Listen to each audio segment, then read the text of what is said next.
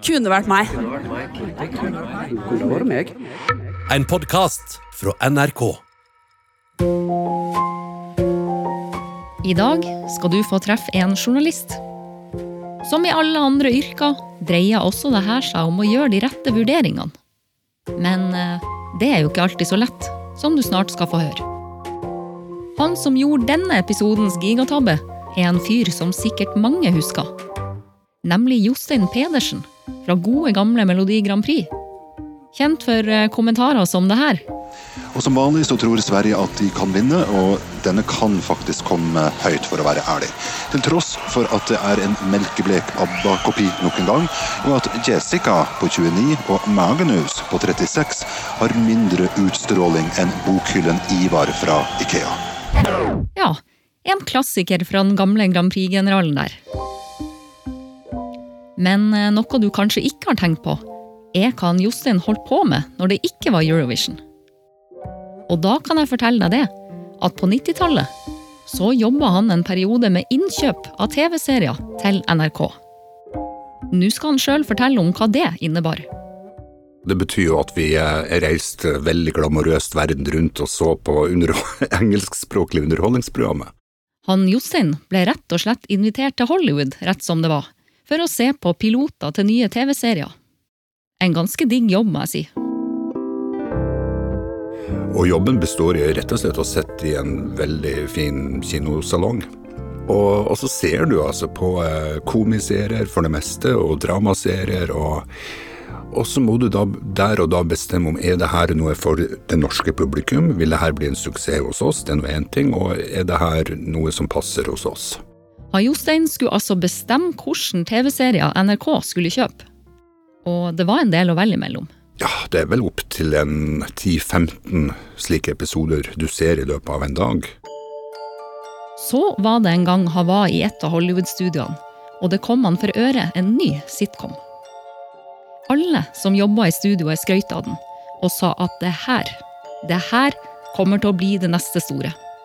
Det her burde dere virkelig kjøpe. Det det lokka meg her, det var jo at det her var altså noe helt unikt og noe helt nytt. Det var mye rykter om den, og sladder og forhåndsinteresse, og forventningene var jo store. Og så blir du jo nysgjerrig, da. Alle som var der, ville se den nye sitcomen. De strømma til kinosalen. Han Jostein også. Så skulle man jo liksom sette seg ned og se på dette her, og jeg kunne vel ikke se at den her skilte seg så nevneverdig ut.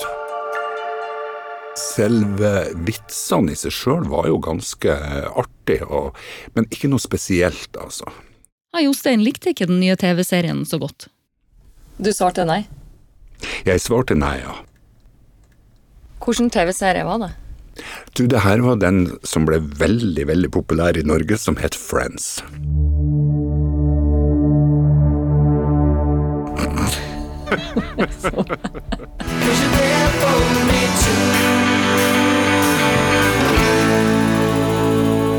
Ja, sånn kan det gå.